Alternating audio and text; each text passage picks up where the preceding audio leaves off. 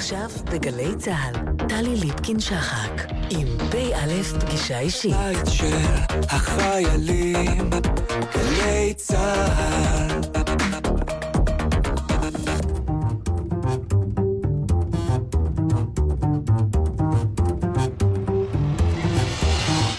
כמה דברים שאתם צריכים לדעת על ניצב יעקב שבתאי. הוא נולד בשנת 1964 באשקלון, שם גם גדל. בשנת 1982 הצטרף שבתאי לעתודה ולמד טכנאות מכונות. במאי, שנה לאחר מכן, התגייס לצה"ל ושירת בגדוד 202 של חטיבת הצנחנים. יצא לקורס קצינים והשתחרר מצה"ל בתפקיד מ"פ בתום שירות מבצעי בלבנון. באזרחות החל לעבוד כגנן וכאיש שיפוצים, אך במהלך האינתיפאדה הראשונה החליט לחזור לשירות ביטחוני. התגייס ללוט"ר, היחידה ללוחמה בטרור, שירת בימ"מ, והיה בין מקימי יחידת המסתערבים ברצועת עזה, עליה גם פיקד. במהלך שירותו ביחידה נפצע שבתאי בכתפו מירי שוטר פלסטיני ביולי 94, בעת שניסה לחלץ אזרח שנקלע להתפרעויות באזור מחסום ארז. על פועלו באירוע זכה בעיטור המופת של משטרת ישראל. ב-2003, בעת ששימש קצין אגף המודיעין של מג"ב צפון, השתתף במרדף אחר חוליית מחבלים שחדרה ליישוב גדיש ורצחה את סייר הביטחון של המועצה האזורית גלבוע. במהלך המרדף נפצע מירי ואותר בעיטור האומץ של משטרת ישראל על פועלו באירוע. בין יתר תפקידיו במערך משמר הגבול שימש ניצב שבתאי כקצין אג"ם מג"ב צפון, מפקד תחנת עירון, מפקד מרחב השומרון במחוז ש"י ומפקד מרחב השרון. בפברואר 2016, יומיים לפני הפיגוע בו נהרגה לוחמת מג"ב, רב שוטרת הדר כהן, זכרה לברכה, בפיגוע בשער שם בירושלים, הועלה יעקב שבתאי לדרגת ניצב ומונה למפקד על משמר הגבול, תפקידו הנוכחי. שבתאי נשוי, אב לשלוש בנות, ומתגורר בחרקור.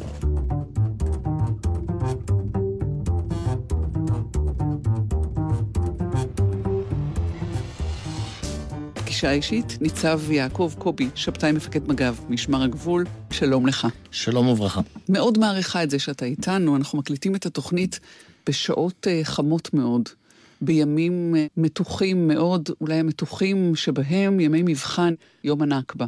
אז תודה שבאת, התפנית אלינו. מבחינתך, מה המשמעות uh, של uh, הצלחה ביום הזה? הצלחה ביום הזה זה לעבור אותו בצורה הכי שקטה שאפשר, עם כמה שפחות נפגעים, צמצום נזקים, ולחזור לשגרה.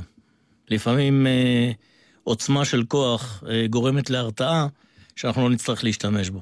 אני הרבה יותר אופטימי, אני חושב שיש לנו נטייה להפחיד את עצמנו, יש לנו נטייה להיבהל מכל אירוע כזה או אחר.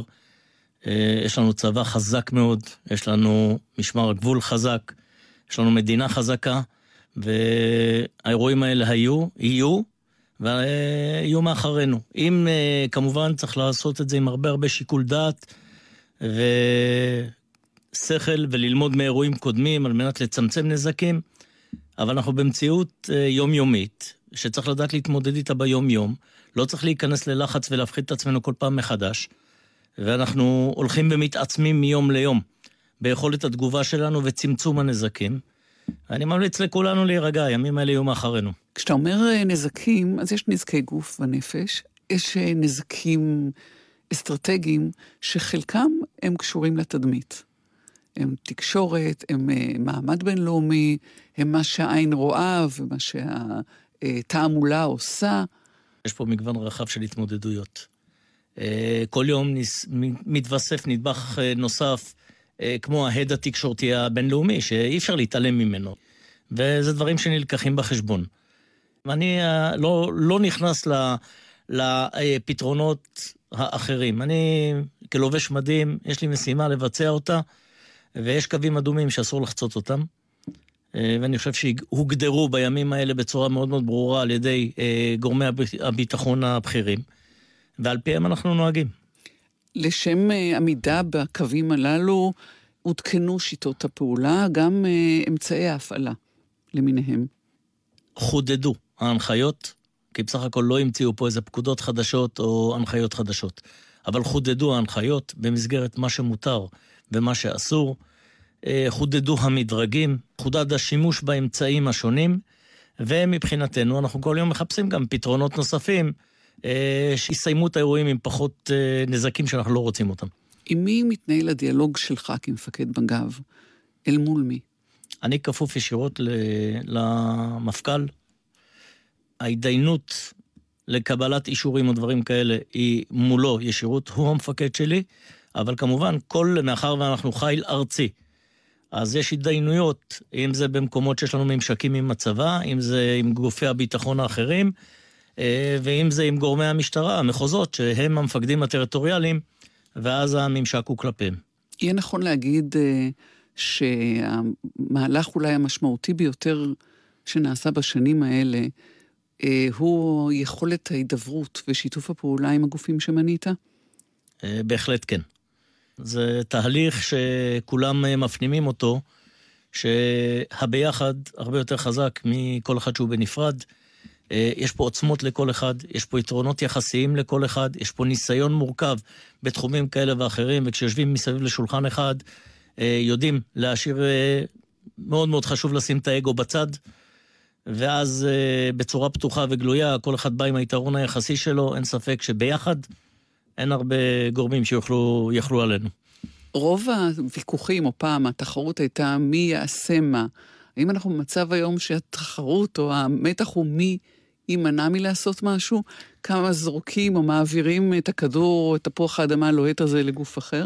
אני ממש לא חי בסרט הזה. אני חושב שאם אנחנו מדברים על ממשקים עם צה"ל, אז היתרונות היחסיים בתחומים מסוימים שלנו אה, מאוד ברורים, והצבא יודע לנצל את זה בצורה מיטבית. אנחנו מודעים למגבלות שלנו ואיפה היתרונות של הגופים האחרים, ומכבדים ומפנים להם את הזירה. אנחנו לא נמצאים בסרט הזה. כשחלק מהאנשים שלך במג"ב הם uh, מאוכלוסיות uh, מיעוטים, המגזרים, uh, זה יכול או עלול לייצר אי פעם בעיה, או שאתה לגמרי שקט? אנחנו מנטרלים את הסוגיה הזאת. בהתנתקות נשאלנו לא פעם, איך אתה, אנשים עם דעות כאלה, אידיאולוגיה שונה, שהם אה, בין כוחותינו ואתה מעמיד אותו בקונפליקט. איפה שניתן לנטרל את הקונפליקט הזה, לא חייבים אה, להציב את הלוחמים אה, בפני אותה דילמה שהם עשויים להיקלע אליה. אם אפשר לנטרל את זה, מנטרלים את זה. והיה ולא, ויש מצבים כאלה, אה, כל לוחם שהתגייס למג"ב יודע מה הייעוד שלו, יודע מה מותר ומה אסור, וכמו שאנחנו מצפים מכל החיל להתנהג על פי אמות אה, מידה מוסריות, בכללי התנהגות, וזה לא משנה כלפי מי או מה, אז uh, אני מניח שהתחושה שה, היא יותר קלה. כמה מהזמן שלכם, או מהקשב שלכם, או מהאנרגיות שלכם, לא במצבי החירום, אבל בשגרה או בהכנה למצבי חירום, נתון לנטרול המוקשים האלה, או המצבים הנפיצים האלה? אני חושב שאחד החוזקות של משמר הגבול מעבר למוכנות המבצעית, זה חלק מהמוכנות המבצעית, זה הכנה מנטלית. אין היום משימה שלא מבצעים אחרי הכנה מנטלית לפני שנכנסים למשימה. אתה צריך לדעת למה אתה נכנס. ברגע שאתה יודע לקראת אה, מה, מה, מה מיועד, מה עומד בפניך, סביר להניח שיהיה לך הרבה יותר קל להתמודד עם מצבים כאלה ואחרים. והיום אה, יש לנו אה, מרמת סדנאות חוסן, שזה בין לבין אה, התקופות שכל יחידה מחויבת לעבור, עד לרמה של, אם זה פינוי, שאתה עושה הכנה מנטלית ספציפית לקראת אותו תהליך בהתאם לאיומים שעומדים בפנינו. ואם זה עכשיו, אתה נכנס לכפר לפעילות פלילית, גם לזה צריך הכנה מנטלית. בסך הכל אתה מתמודד עם אוכלוסייה. הלוחמות והלוחמים שלכם מלווים בסיוע או באפשרויות שיח או ונטילציה על פני תקופות ארוכות? כל הזמן יש לנו אה, יועצים ארגוניים וקב"נים שמלווים אותנו, וכל מהלך, גם אם הוא היה חיובי, אה, הוא מלווה. כי לא תמיד אה, מחכים לאיזה אסון חלילה שיקרה, על מנת אה, לבוא ולהפיק, כי אה, יש משקעים מכל אירוע, גם לחיוב וגם לשלילה. יש לנו ליווי צמוד בנושא הזה. אה, אם אני רוצה לחדד רק את הנושא של ההכנה המנטלית, דיברנו מקודם, אז ירושלים הרי עיר ברוכה.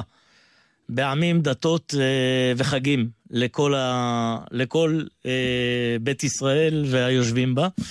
ויש לנו ערכה שבה יש הכנה לקראת כל חג וחג, שבה כל מפקד יודע לקחת את החומר, להציג אותו בפני הפקודים שלו, להסביר להם מה המשמעות של החג, מה הרקע, מה המנהגים, מה עושים על מנת לא לפגוע. לדוגמה ברמדאן, לא תראי שוטרים שאוכלים אה, ברחובות או יעשו הפסקת אוכל או סיגריה בפני אה, אוכלוסייה שמבחינתה זה אה, עלול להיראות אה, כדפוס אה, לא, לא הוגן או לא יאה. ואנחנו משתדלים בכל הרמות, זה מוכן עם מערכי שיעור. מוכנים גם למצבים שאין להם מערכי שיעור. אנחנו כל יום נקלעים לסיטואציה שלא היינו מודעים לה, או סיטואציה חדשה, ואז נערכים בהתאם.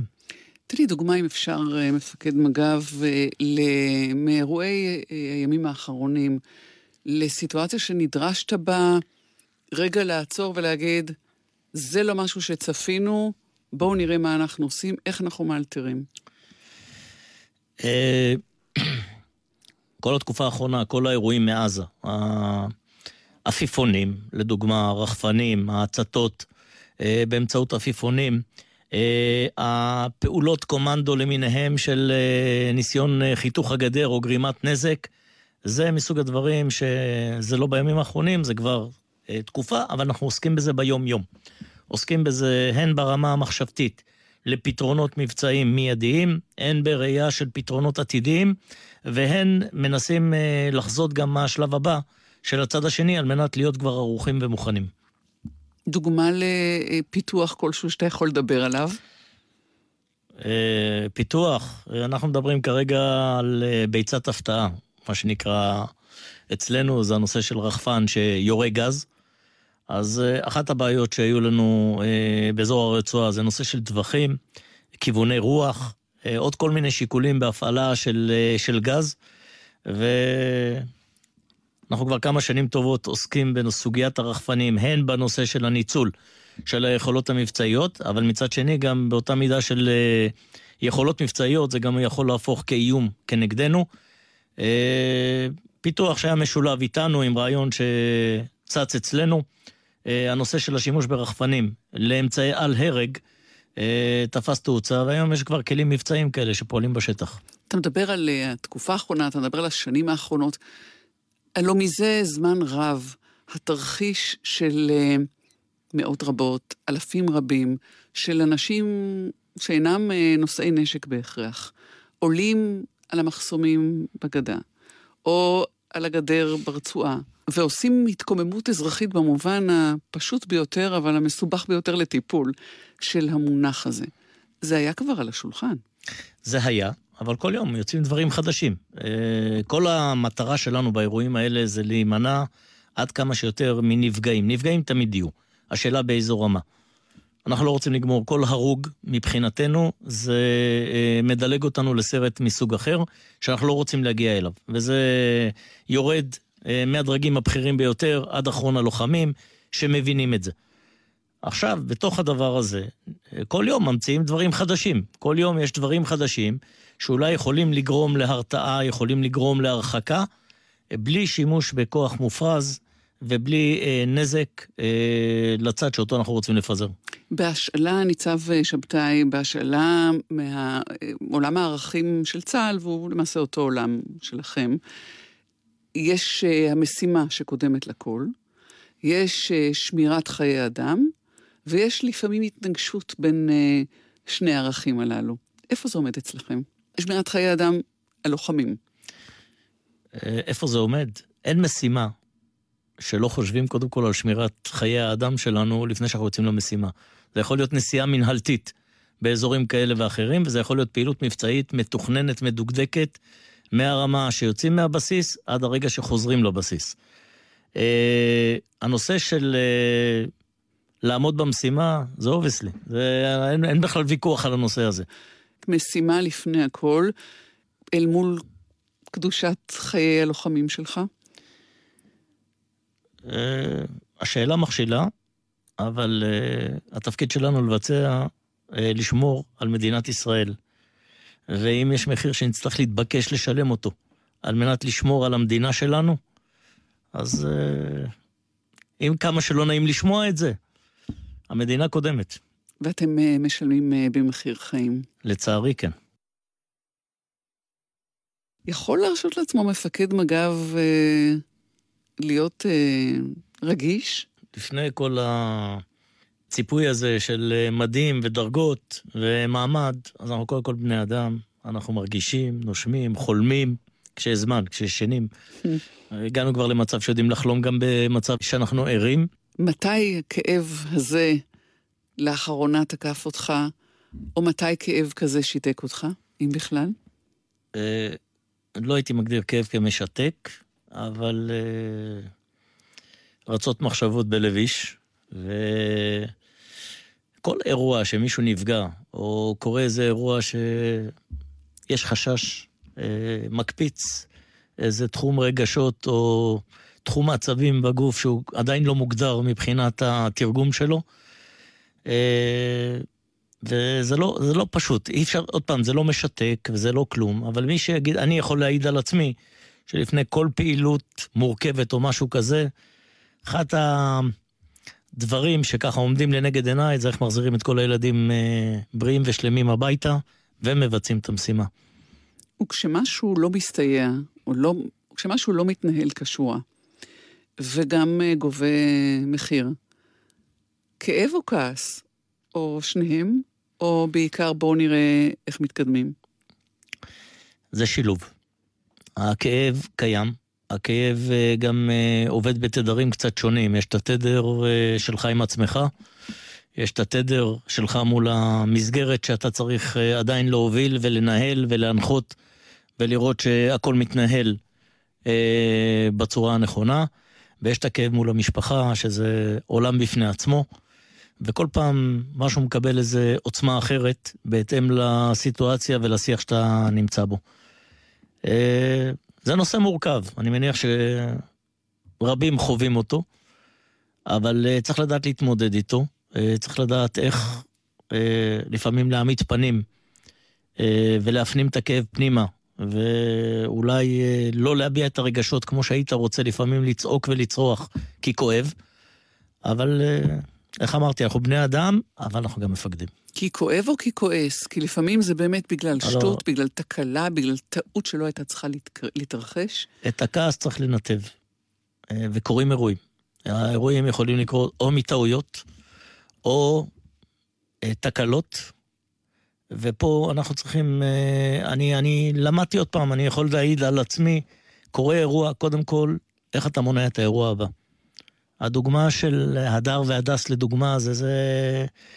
אה, הדר, אה, זה אירוע שתפס אותי יומיים לפני כניסה לתפקיד. אנחנו מדברים על 2016? 2016. אה, פברואר 2016. יומיים לפני כניסה לתפקיד, האירוע הזה קרה. אה, אני חושב שזה לא רק לי, זה, זה תלש איזה חתיכה מכל הציבור הישראלי. לוחמת מג"ב, אה, בשלב הטירונות שלה, אחרי השלמה של אה, קורס הלוטר במשמר הגבול, כל לוחם במשמר הגבול במסגרת הטירונות שלו עובר קורס לוטר. שזה של... לוחמה בטרור. לוחמה בטרור, ירי סלקטיבי, מגיעים לרמת מיומנויות מאוד מאוד גבוהות כבר בשלב הטירונות שלהם. הדר כהן אה, יצא לפעילות ביחד עם צוות של טירוניות מלווה על ידי, צוות של לוחמות מלווה על ידי אה, לוחם ותיק יותר, אה, ובמסגרת אה, הפטרול באזור שער שכם, הם נתקלו בחוליית מחבלים שהלכו לבדוק אותם, בשלב הזה לא ידעו שהם מחבלים. בזמן הבדיקה של לוחמת ומפקד הצוות, התחיל עימות בין שני המחבלים שישבו ונבדקו לבין הלוחם והלוחמת. בשלב הזה אחד שלף נשק, הלוחם השני הסתער על הלוחמת ודקר אותה. עם uh, סכין. Uh, הדר לא איבדה את העשתונות, ובפעילות מאוד מאוד מהירה נכנסה למצב ירי, וביצעה ירי לכיוון uh, המחבל שרחן על, על חברתה. בשלב הזה הגיח מחבל נוסף מאחור וירה בה, הרג אותה. Uh, זה היה אירוע שפחות או יותר ככה נכנסתי, עדיין לא בתור מפקד, אבל אה, מה שנקרא ישר דבילה למים העמוקים, אה, גם ברמה של המשפחה, גם להבין את האירוע, גם ללמוד, גם להפיק את הלקחים. וגם אמרת, נגע במדינה שלמה, קצת בגלל שזאת אישה, שמדובר בילדה. מתנאה משמר הגבול ובצדק בכך אה, שאנשים בו לוחמות. אה, משמר הגבול, לדעתי, אה, התחיל את כל סוגיית הלוחמות בצה"ל.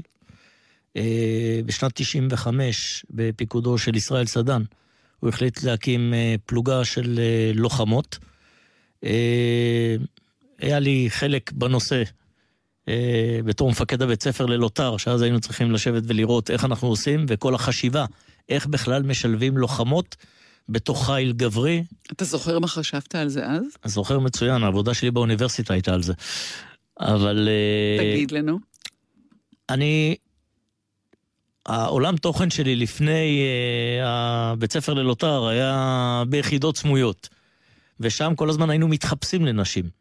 ותמיד הייתה לי מחשבה שיש פעילויות מסוימות שכן אפשר לקחת אישה בלי לחפש אותה, בלי לאפר אותה, ויש מצב שהיא תעשה חלק מהדברים לא פחות טוב מהבנים. וזה היה ככה פחות או יותר המוטו, אה, ומזה זה התפתח. מזה זה התפתח, אה, גם באימונים, גם בהכשרות. היום במשמר הגבול משרתות למעלה מ-25% לוחמות בקרב החיל. אה, עושות את אותה עבודה בדיוק כמו כל לוחם אחר, באותה רמה, לא פחות טוב, ואין גבולות ללוחמות היום במשמר הגבול. אין גבולות? אין גבולות. והשילוב הראוי שבצה"ל עוסקים בו הרבה, אצלכם הוא לא עניין בכלל. לא, אנחנו כבר מאחורי זה. אה, יש תהליכים שלוקח זמן להפנים אותם. מאחר והתחלנו כבר ב-95, אז אנחנו כבר אחרי. היום אנחנו מתמודדים עם יותר בנות בחיל, בקטע של uh, מגורים, ואיך באמת שומרים על ההפרדות הנדרשות בין uh, לוחמים ללוחמות, על מנת שלא uh, לא יחצו פה קווים שאנחנו uh, קבענו אותם. אבל uh, בסך הכל אנחנו שם. Uh, הבנות הוכיחו את עצמם, גם בלחימה בשטח, גם באירועים, גם בפיקוד, והשתלבו בכל התחומים, גם ביחידות מיוחדות. ואני חושב שזה... כל מי שעוד לא הפנים, מתחיל להפנים. ועדיין כשהדר אה, כהן אה, נהרגת, או הדס מלכה נהרגת, מיתר נוסף נרעד. אתה יכול להסביר את זה? הכאב הוא כאב. עוד פעם, עוד משפחה הצטרפה אליי. אה, את הדס, לא הכרתי לא את הדר ולא את הדס באופן אישי. אבל כשאתה לאט לאט נחשף גם ליחידה, גם למשפחה, ולומד להכיר את הלוחמת, ורואה שזה עולם ומלואו. צריך לזכור שאנחנו גם כן הורים ויש לנו ילדים בגילאים האלה, ואתה חווה פחות או יותר, אי אפשר לחוות את הכאב של המשפחה, אבל אתה רואה את ההתפתחות, אתה רואה את החינוך, אתה רואה את הערכים שהבנות האלה גדלו מהבית, ומה שהביא אותם אה, לשרת כלוחמות במשמר הגבול, והמנגינה לא נשמעת אותו דבר כבר.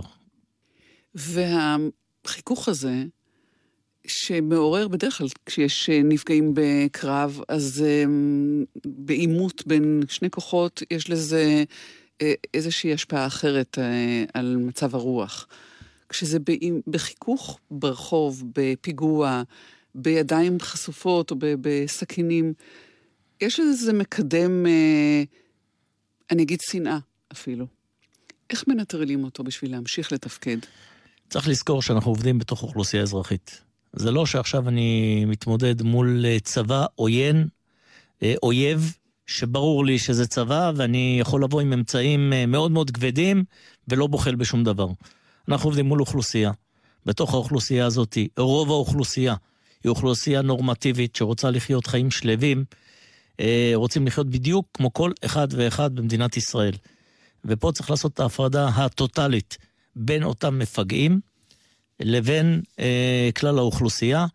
זה חלק מההכנה המנטלית, זה אה, חלק מכללי ההתנהגות שאנחנו מחנכים על שמם את כל לוחמי משמר הגבול. אה, והגדולה פה זה לדעת לעשות את הסוויץ' ולעבור ממוד של אוכלוסייה אה, שחיה חיים שלווים, מ-0 ל-100 בנושא של פיגוע. מספר התקריות, השימושים בכוח, האלימות הלא, אה, אה, איך נגיד ככה, האלימות הלא מבוקרת. מספר האירועים הללו ירד בעת האחרונה. למה אתה מייחס את זה? קודם כל, ירד בצורה מדהימה. לפני שהגעתי לפה ביקשתי עוד פעם את הנתונים המדויקים, אז בכל uh, 2017 הוגשו uh, כמות תיקים, אבל ארבעה מתוכם הבשילו uh, לכדי אשמה של שימוש בכוח שלא היה מוצדק בקרב שוטרי משמר הגבול. לחשוב על חיל שהוא שליש ממשטרת ישראל, וכמות העבירות שמיוחסות לנו אה, הוא פחות מ-20 אחוז, 25 אחוז מכלל משטרת ישראל, זה הישג שאני מייחס אותו קודם כל אה, לקודמיי, אה, למפקדים שהתחילו בעשייה, וזה ממשיך, זה תוצאה גם של חינוך, זה תוצאה של הובלה, זה תוצאה של רוח. הייתה טענה שהביקוש הגובר למג"ב קשור דווקא למקום שבו אפשר לשחרר אגרסיות. זאת הייתה הסטיגמה העתיקה. אה, תחילת דרכי במג"ב, אחרי תקופה מסוימת שהביקוש ככה הלך ועלה, הרבה הורים לא הבינו מה פתאום הילדים שלהם רוצים למג"ב, כי מג"ב נתפס כחיל אה, שלא בדיוק אה, סיירת כזאת או אחרת. מה שקורה לאחרונה, בשנים האחרונות, קודם כל יש לנו אוכלוסייה מדהימה. אנחנו רואים את זה בכל הקורסים. כמעט כל הקורסים שאנחנו משתתפים ביחד עם חילות אחרים, רוב החניכים שלנו מסיימים מצטיינים. אין בבה"ד 1, אפילו בהכנה לכניסה לבה"ד 1, אז גם פה הגענו להישגים אה, מכובדים ביותר, בלי להיכנס ליותר מדי פרטים. אבל הישגים שגרמו גאווה להרבה אנשים uh, בתוך החיל ומחוצה לו. Uh, הפאזה הזאת, הסטיגמה הזאת, היא לא קיימת היום. אם uh, בעבר החיל נתפס כאגרסיבי, מכה, היום uh, אם אנחנו מאתרים uh, סימפטום כזה, עוד במהלך האיתור למג"ב, מישהו שאנחנו מזהים אצלו איזה כוונה של אלימות, באופן אוטומטי הוא לא יהיה בחיל. גם התבטאות מילולית אה, נתפסת אצלנו כ- כאלימות לשמה, ולא לוקחים סיכונים בדברים האלה. יהיה נכון להגדיר את מג"ב, אה, כשמסתכלים על הצד הבהיר של התמונה, כ... לא יודעת, כור היתוך, אבל איזשהו פסיפס ישראלי שמאפשר מקום לכולם? בהחלט כן. אנחנו מתגאים בזה, זה חלק מהכותרות שלנו. מג"ב הוא הפסיפס של החברה הישראלית. יש לנו אה, צברים, יש לנו נוצרים, דרוזים, צ'רקסים, בדואים, ערבים, מתוך המגזר כבר משרתים אה, בחיל, אה, ובסך הכל את יכולה לראות באותו ג'יפ את כל אה, קיבוץ הגלויות אה, שיש לנו במדינה, באותו רכב, באותו פטרול, ולומדים. אחד הדברים, הערכים שאנחנו מחנכים על שמם, זה לדעת לקבל אחד את השני. לדעת להכיר אחד את השני. זו ההזדמנות של האנשים להכיר אחד את השני. משהו שהשרשנו אותו בשנתיים האחרונות במסגרת ההכרה וקבלת האחר. אה, חלק ממסעות ההשבעה או אה, מסעות הסיום של אה, פלוגות הטירונים, של גדודי הטירונים, זה להכיר את האחר. אז התחלנו במסע השבעה לדרוזים, הצדעה לבני העדה הדרוזית, שחלק גדול מהם אה, משרת בקרב החיל, ויש לנו קצינים בכירים, אה, גאווה אמיתית. אה, אבל היה חשוב שבחור שמגיע מאזורים כאלה ואחרים בארץ, שלא בדיוק נחשף לבני העדה, למעט בטלוויזיה או בעיתונות, יכיר את זה קצת יותר מקרוב. מתחילים בהכנה מנטלית של כמעט שלושה שבועות, שבהם לומדים על בני העדה, איפה הם גרים, מה הרקע ההיסטורי לכל החיבור בין העם היהודי, בין מדינת ישראל לבין הדרוזים. ובסופו של דבר, אחרי אה, תקופה של הכנה מאוד מאוד מסודרת, אה, המסע אה, השבעה הסתיים בקבר יתרו, שבו הזמנו את אה, כל נכבדי העדה אה, לכיוון, גם קצינים ששירתו במגע ופרשו לגמלאות. היה מרגש מאוד. סיימנו עם אה, הצדעה לבני העדה הדרוזית, עברנו לבני העדה הבדואית, ואותו תהליך עברנו עם בני העדה כשסיימנו באנדרטת החייל הבדואי. עשינו את זה גם עם הנוצרים, וסיימנו את זה בכפר נחום. לבדואים קל יותר ללבוש מדי מג"ב מאשר מדי צה"ל בבעיות שלהם עם גיוס לצבא? אני לא יודע. אני חושב שכל סוגיית הבדואים צריכה לקבל איזה מענה ברמה לאומית אה, קצת אחרת. אני עוד פעם לא נכנס לפוליטיקות, אבל אני חושב שיש פה אוכלוסייה שאפשר לנתב אותה ולתת לה את הכלים הדרושים בשביל להרגיש חלק אה, מהאוכלוסייה הארץ-ישראלית בתור אזרחי מדינת ישראל. ופה זה גם חלק מהתפקיד שלנו. חלק מהתפקיד שלנו לדעת לאתר אותם, לדעת לחבק אותם, לעטוף אותם ולתת להם את כל המעטפת. עוד אתנחתא, עוד אתנחתא, ניצב אה, קובי שבתאי, אה, מפקד מג"ב, ביקשת את הביצוע של צחי הלוי אה, מפאודה לתמן לי מעק. אמרתי נכון? אמרת נכון, תמן לי מעק. שזה? אה, זה שיר, עוד פעם, בואו נדבר קודם כל על צחי.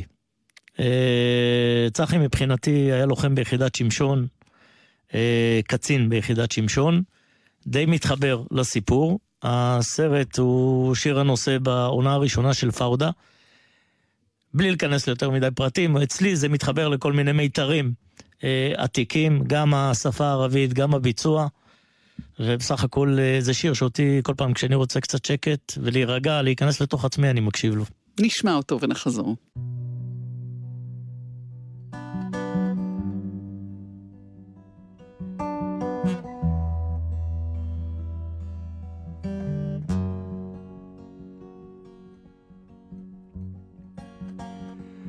تملي معاك ولو حتى بعيد عني في قلبي هواك تملي معاك تمالي في بالي وفي قلبي ولا بنساك. تملي وحشني لو حتى بكون وياك. تملي معاك معك قلبي معك روحي يا أغلى حبيب يا أغلى حبيب. ومهما تكون بعيد عني لقلبي قريب. يا عمر الجاي والحاضر يا أحلى نصيب. تملي حبيبي بشتاق لك تملي علي من بدلك. ولو حواليا كل الكون بكون يا حبيبي محتاج لك. تملي حبيبي بشتاق لك تملي علي من بدلك. ولو حواليا كل الكون بكون يا حبيبي محتاج لك.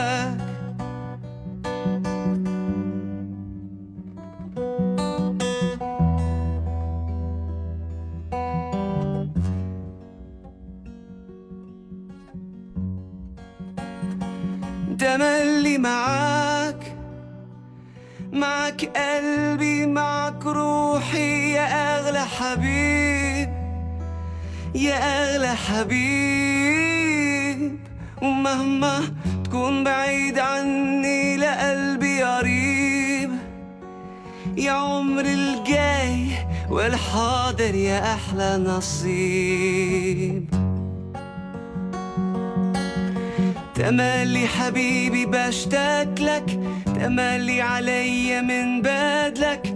ولو حواليا كل الكون بكون يا حبيبي محتاج لك. تملي حبيبي بشتاق لك تملي عيون تندهلك. ولو حواليا كل الكون بكون يا حبيبي محتاج لك.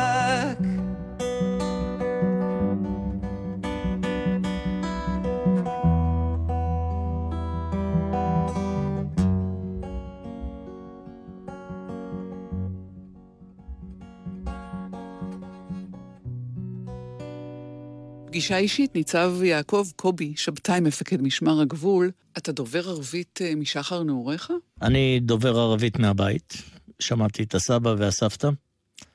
אה, אבי, זיכרונו לברכה, עבד אה, בבית אריזה, בכניסה לאשקלון, שכל הפועלים היו תושבי רצועת עזה. והכיף שלי היה בחופשות זה ללכת לשם ולטייל בין המכונות השונות ותהליך האריזה וכל החיכוך היה עם האוכלוסייה, ושם פחות או יותר אה, למדתי ערבית. ואיפה אה, נינטע בך אה, אותו אה, נבט של אה, איש ביטחון? אני חושב שנולדתי עם זה, כי אבי, עליו השלום, היה קצין, אחי היה קצין. אה, אבי עוד אה, בתקופה של נערותו בעיראק היה במחתרת היהודית שמה, ככה שגדלתי על כל סיפורי המחתרת אה, עוד בהיותי ילד.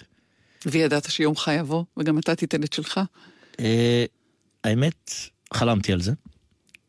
ולצערי, אה, אבי לא זכה לראות את החלום הזה מוגשם. הוא זכה לראות אותי מ"פ בצנחנים, אבל את כל התהליך במשטרת ישראל אה, הוא לא, לא זכה לראות. התגייסת לצנחנים באמת. כן.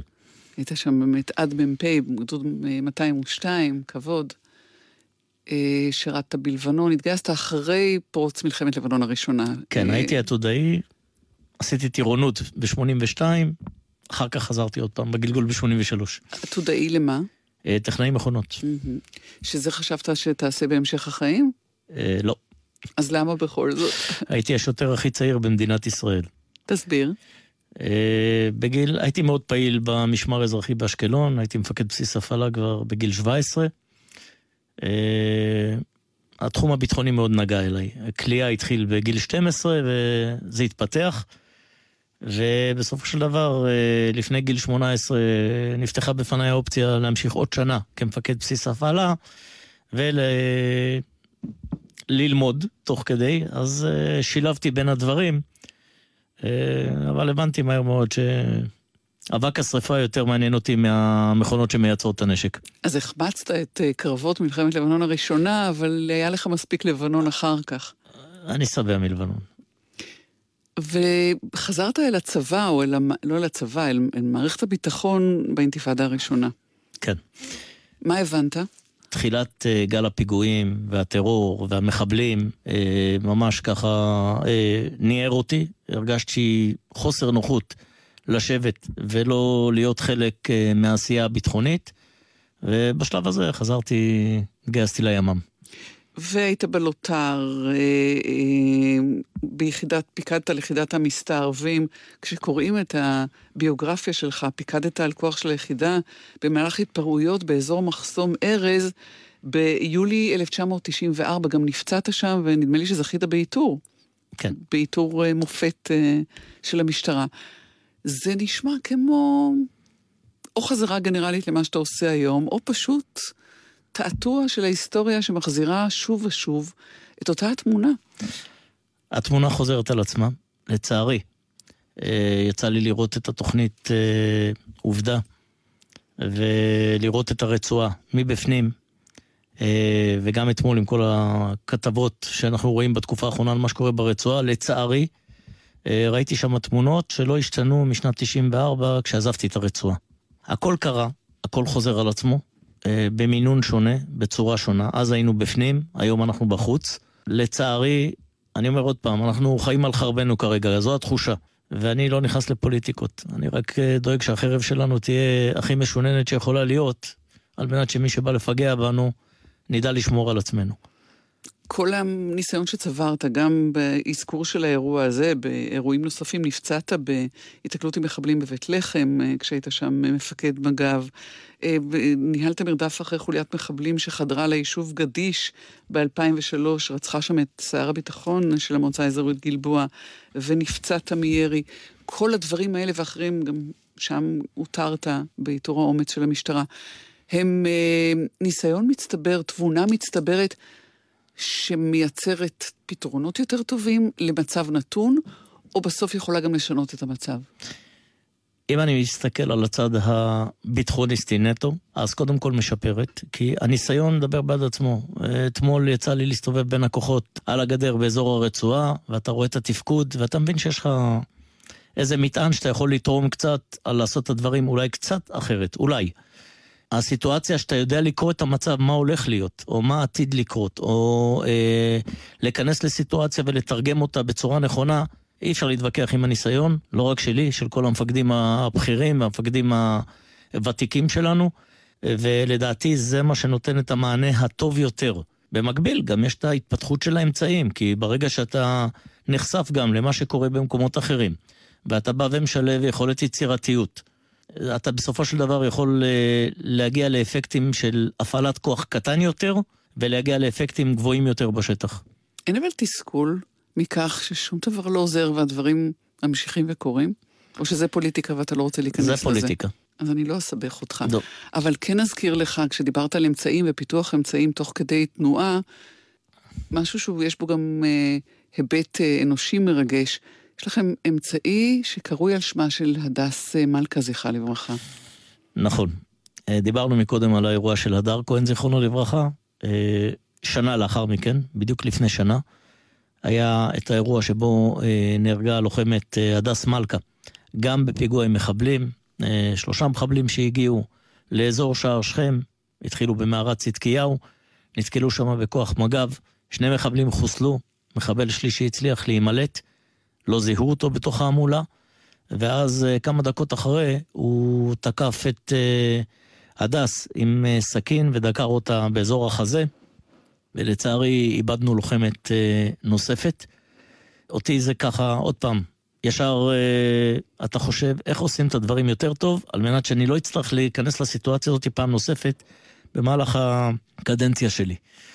ופה הגיעו שתי יוזמות. יוזמה ראשונה הייתה פיתוח מגן צוואר אה, שייתן מענה. היה מגן צוואר בעבר, הוא היה פחות שימושי, הוא היה מסורבל, כבד. רוב הלוחמים לא, לא הלכו איתו בגלל אה, שהוא הגביל את התפקוד שלהם. ופה נכנסנו לאיזה תהליך ייצור שהייתי שותף לפיתוח. בניתי צוות, ניסינו לחפש אלטרנטיביות אה, בעולם. במקביל, יצרנו קשרים מרמת אה, אוניברסיטאות וכל מיני גורמים שיכולים לעזור עם חומרים מורכבים. ובמקביל היה צוות אה, מאוד מצומצם שנעזרתי, אה, לוחם הימ"מ שמתעסק בפיתוח, וביחד הצלחנו לפתח מגן צוואר שלדעתי היום נותן מענה הרבה הרבה יותר טוב ממה שלא היה עד עכשיו.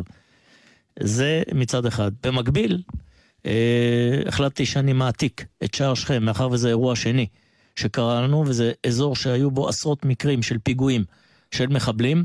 החלטתי שאני מעתיק את אזור אה, שער שכם לשטח האימונים שלנו, ואת כל הסימולציות שאנחנו מתרגלים ב, אה, בשטח, אה, נביא אותם הלכה למעשה, ששוטר שיגיע לשטח ההר כבר יהיה מוכן לכל תרחיש אפשרי. וזה מסוג הדברים של הפקת לקחים ומה שנקרא לשפר. בין יתר הדברים שמתמודדים איתם עכשיו, אולי יותר או אולי שוב, אחרי תקופה שפחות אה, זה היה בכותרות, הוא מה שמכנים הטרור החקלאי, או בעצם פשיעה חקלאית, שגם עליה אתם אמונים, כי אתם שוטרי משמר הגבול, וזה על, אה, על, על, לאורך קו הגבול. טוב, ככה אני מחלק את זה לשתיים. אני, קודם כל, אני לא קורא לזה טרור. טרור זה טרור, אה, ופשיעה חקלאית זה בפני עצמה. ברגע שיוכח שהאירועים החקלאיים נגרמו כתוצאה מכוונה של אה, גורמים אה, פח"עים כאלה ואחרים, אני מניח שיקבל את המענה. עד כה אני לא נתקלתי באירועים שקרו על רקע לאומני. בפשיעה החקלאית יש ירידה מדהימה בכל התחומים במדינת ישראל. יש לנו הצלחות שהן נבלעות בתוך הסיטואציה של ההד הכולל התקשורתי. החקלאים פחות uh, מרגישים ככה, אתה יודע, יש עניין של חוויה, גם אם היא לא קשורה לעובדות בדיוק. תראי, עם תחושות אני לא יכול להתווכח. אני יכול להתווכח עם עובדות. שינינו את שיטת הפעילות שלנו, ואני מגדיר את זה מדייגים לציידים. ממצב שאתה פורס את כל הכוחות בשטח ומצפה לתפוס, לרמה של עבודה ממוקדת, עבודה חכמה, וזה מוכיח את עצמו. זה מוכיח את עצמו בכל תחומי הפשיעה החקלאית, שניכרת ירידה משמעותית אה, בתחומים האלה. היית רוצה שלא תצטרכו להיות, אה, להפגין נוכחות ב- בערים בתוך הארץ? אני חושב שזה חלק מהתפקיד שלנו. למרות אה, שאתם נקראים אגב. אוקיי. אה, השם הוא לא בדיוק אה, השם, משמר הגבול פרוס בכל מדינת ישראל, מרג'ר בצפון עד אילת בדרום. אני חושב שחשוב שיהיו כוחות כאלה במצב הביטחוני הקיים, שכן ייתנו את המענה של תחושת הביטחון, וחלילה וחס אם יהיה אירוע כזה או אחר, יהיה כוח התקפי שידע להגיב בהתאם. רוצה להגיד משהו על הימ"מ, נכון? הימ"מ זה הימ"מ, בה"א הידיעה. אה, אנחנו יכולים להיות גאים בת- בתור אה, מדינה אה, שיש לנו יחידה כזאת. אה, בהחלט אה, יכולות מבצעיות מהגבוהות ביותר בעולם. בהחלט יש על מי לסמוך. אני מאוד מאוד מקווה שהגורמים שצריכים לקבל את ההחלטה כבר יכריזו על היחידה כיחידה לאומית וייתנו, אה, יספקו את הצרכים הנוספים שיש לנו על מנת אה, להשלים פערים, אבל זו בהחלט יחידה שכל אה, אזרח במדינת ישראל יכול אה, להיות גאה ולהעלות חיוך על פניו. וביום אה, שתפרוש, ניצב אה, קובי שבתאי, מהם הדברים שהיית רוצה שיירשמו, שאתה הוא החתום עליהם? טוב, יש כמה מהפכות במג"ב. אחד, זה בתחום הכשירויות וההכשרות, עם כל מתחם האימונים ושינוי תפיסת ההדרכה וההכשרה, אה, שהפכנו את הלילה ליום. אה, מה זה אומר? מה זה אומר? אנחנו, אה, מתקן האימונים שלנו נמצא באזור מדברי, שבדרך כלל משעה שבע וחצי, שמונה בבוקר עד חמש אחר הצהריים לא ניתן להתאמן שם, עקב מגבלות חום. ופה רעיון שהתבשל כבר הרבה שנים, אבל הפעם כבר אני מפקד מג"ב, אז יכולתי ליישם את זה. הצפנו את כל האזור בתאורה, היום אנחנו אה, מתאמנים בלילה, מחמש וחצי מתחילים להתאמן, רדת החשיכה, מרימים את השלטר וממשיכים להתאמן. יכולים להתאמן עד שתיים, שלוש לפנות בוקר בלי שום הגבלה, עם מזג אוויר מצוין, דבר שהעלה לנו את אה, הספק האימונים בלמעלה מ-40 אחוז, אה, וזה דבר בפני עצמו. מעבר למתקני האימונים שפיתחנו, אה, גם כן על בסיס ניצול יכולת אימון, גם בתנאים חמים, אה, אם זה חממות אורבניות וסבך ומתקני אימונים שלא היו לנו בעבר, אז זה אה, צד אחד שהיום הופך אותנו לחיל יותר מקצועי ויותר מבצעי. אה, בפן של השינוי המבצעי, אז שני תחומים, אחד זה הקמה של החטיבה הטקטית, של זה חטיבת קומנדו, שמרכזת את כל היכולות המבצעיות של משטרת ישראל ברמה הכי גבוהה שיכולה להיות, עם יכולת ניוד מאוד גבוהה, אם אנחנו מדברים על כלי רכב ברמה של אופנועים וברמה של אה, רכבי שטח, שיודעים לנוע בכל המקומות שהיום אנחנו די מוגבלים. עם כל היכולות המבצעיות, גם של תצפית יום, לילה, אני חושב שזאת אה, חטיבה שהוכיחה את עצמה בפרק זמן מאוד קצר, וכל החיל, אה, המגמה היא להפוך אותו לחטיבות טקטיות כאלה. דבר נוסף, דיברנו על הפשיעה החקלאית. החיל הפך להיות לחיל יותר חכם. מה זה חכם? אם בעבר לא היו לנו את האמצעים הסיגינטיים שקיימים במשטרת ישראל, לטובת הפשיעה החקלאית. היינו נעזרים כל פעם בהתאם לתא שטח שאנחנו עובדים, היום אנחנו עצמאיים לחלוטין. הטיפול בפשיעה החקלאית, יש לנו מעין להב בתחום הפשיעה החקלאית בכל הארץ בראייה ארצית ולא בראייה נקודתית. יש לנו את כל היכולות הסיגינטיות שיש, שמטפלים איתם במשפחות הפשע, אנחנו מטפלים בהם כנגד הפשיעה החקלאית, ובסופו של דבר הסגירת מעגל בין היחידות שיש לנו בשטח לבין מרכז הבינה וחטיבה הטקטית, מביאים, לתוצא... מביאים אותנו לתוצאות הישגיות אה, בתחומים מבצעיים אה, שלא היינו בהם עד עכשיו. זה, זוהי תוכנית ששלפת מהמגירה כשהתמנית מפקד מג"ב, ידעת שאתה הולך לעשות את זה? אה, זו רשימה שיש לי כתובה אה, בכתב יד שהוצגה גם למפכ"ל. לא הכרתי לא את המפכ"ל ולא את השר לפני שמוניתי. באתי עם רשימה של 47 סעיפים, אה, והיום הרשימה כבר אטומה, שמורה ל... להיסטוריה. הזכרת קודם, אה, ככה ברמז, את הילדים שלך. ובעצם אני מדברת עם מפקד משמר הגבול, איש שידיו מלאות עבודה, אחריות מוטלת על כתפיו 24 שעות ביממה, וגם ברגעים שבהם אנחנו מוצאים זמן לדבר, הראש שלך בעשרה מקומות אחרים. איפה המשפחה מקבלת מקום בתוך הטירוף הזה? נקודה כואבת. נקודה כואבת, אה, כי לאורך כל תפקידיי בשירות, אה, כמעט 30 שנה, העבודה קדמה להכל. אה, המשפחה למדה להכיר את זה. היום אני כבר בשלב שאני מתחיל להבין מה הפסדתי, מה פספסתי, דברים שאולי לא ראיתי בדרך. נראה לי מובן מאליו שהבנות גודלות והבית מתפקד. אה, יש מי שעושה את העבודה ונותן לך את הגיבוי מאחור, אבל היום, אתה מבין, גם בתחומים הרגשיים, גם בדברים שאתה רואה אחרים שעושים, בואנה, אני לא הייתי בסרט הזה, לא הייתי שם. לא הייתי כמעט בימי העצמאות בבית. לא, כל מיני דברים אחרים ש, שנוגעים, זה מחיר, מחיר כבד שאני מניח שכל, אה, הרבה מכוחות הביטחון משלמים את זה. כסבא תוכל להשלים את החסר. זו אמרה שאנחנו מדברים אה, ככה בחדרי חדרים היותר בכירים, אני אהיה סבא מדהים. אה, זה נרשם, זה מוקלט, אני. אני מוכן להתחייב. זה מחייב אותך. לאן אתה נוסע מכאן, אה, ניצב קובי שבתאי, מפקד מג"ב, ביום הזה, יום הנכבה שבו אנחנו מקליטים את השיחה? עוד לא החלטנו, הכל בהתאם להתפתחויות. איפה שאני אוכל להשפיע יותר, אני אהיה שם. זה יכול להיות לכיוון הרצועה. זה יכול להיות לכיוון איו"ש, זה יכול להיות לכיוון אה, ואדי ערה. אנחנו תכף, הייתי בלי טלפון פה יותר מדי זמן, אז uh, נעשה הערכת מצב ונקבל את ההחלטה. יש משמעות למקום שבו אתה נמצא פיזית? Uh, אני חושב שכן. אני חושב שכן. עוד פעם, צריך לזכור, יש מקומות שאני לא המפקד שם.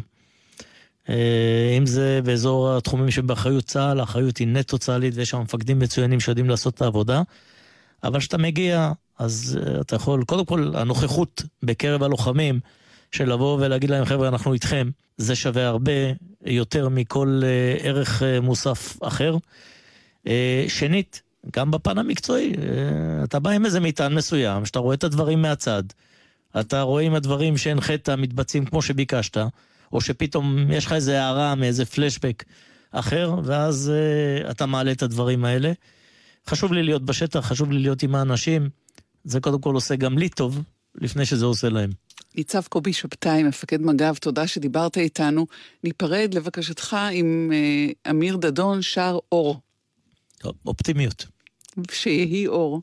אמן. תודה רבה לך, תודה לנחום וולברג שערך איתי והפיק את המשדר הזה, לשי לביא על הביצוע הטכני, וכמובן לכם שהאזנתם לנו. אני טלי ליפקין-שחק, היו שלום. thank you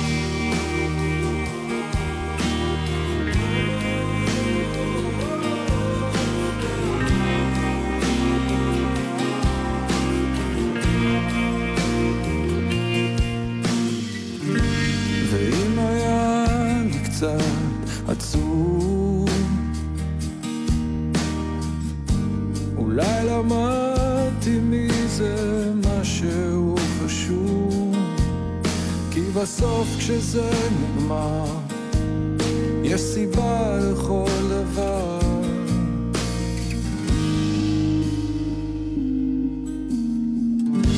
לבד בתוך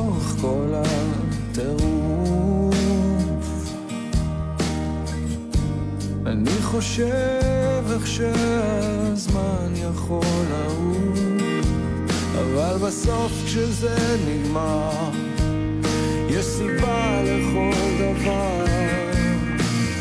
אור גדול מאיר הכל ויותר כבר לא צריך לשאול. אני בא ללמוד ממה שטוב ולחיות. להתחיל הכל מההתחלה כמו לנשום בפעם הראשונה. אני כאן, אני לא מתבזבז יותר.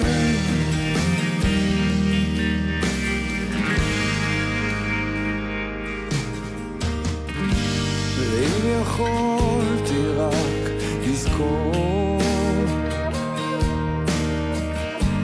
לכל אחד יש את הדרך לעבור, אבל בסוף כשזה נגמר, יש תשובה לכל דבר. אור גדול מאיר הכל, ויותר כבר לא צריך לשאול, אני בא ללמוד ממה שטוב ולחיות. להתחיל הכל מההתחלה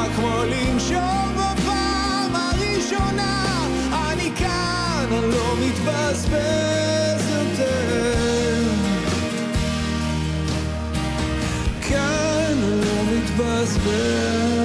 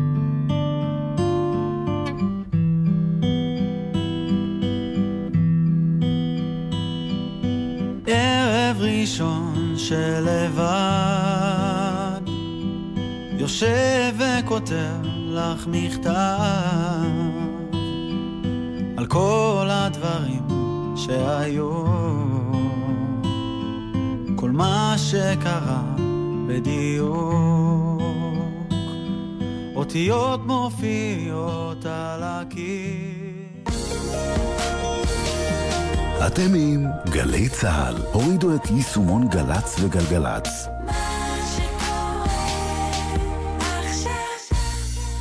את מתיישבת על האופניים, חובשת קסדה, ויוצאת לפגוש חברות. נניח שההיא שעוברת מולך חושבת שהקסדה נראית עלייך ממש מגוחכת.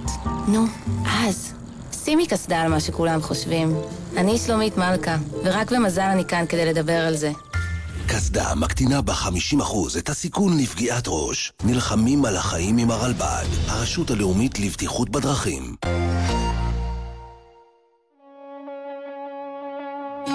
דקלה, מירי מסיקה ונסרין קדרי פותחות את פסטיבל ישראל במופע מיוחד. חגיגה נשית של מוסיקת נשמה ים תיכונית. הערב בתשע וחצי, בבריכת הסולטן בירושלים, ובשידור חי בגלי צה"ל. אנריקו מסיאס חוגג 80 בישראל. הלהיטים הגדולים והאהובים בקונצרט מיוחד עם סימפונט רעננה.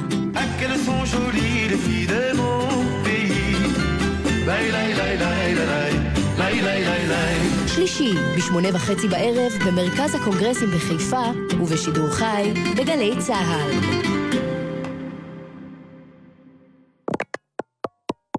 אתם מאזינים לגלי צה"ל.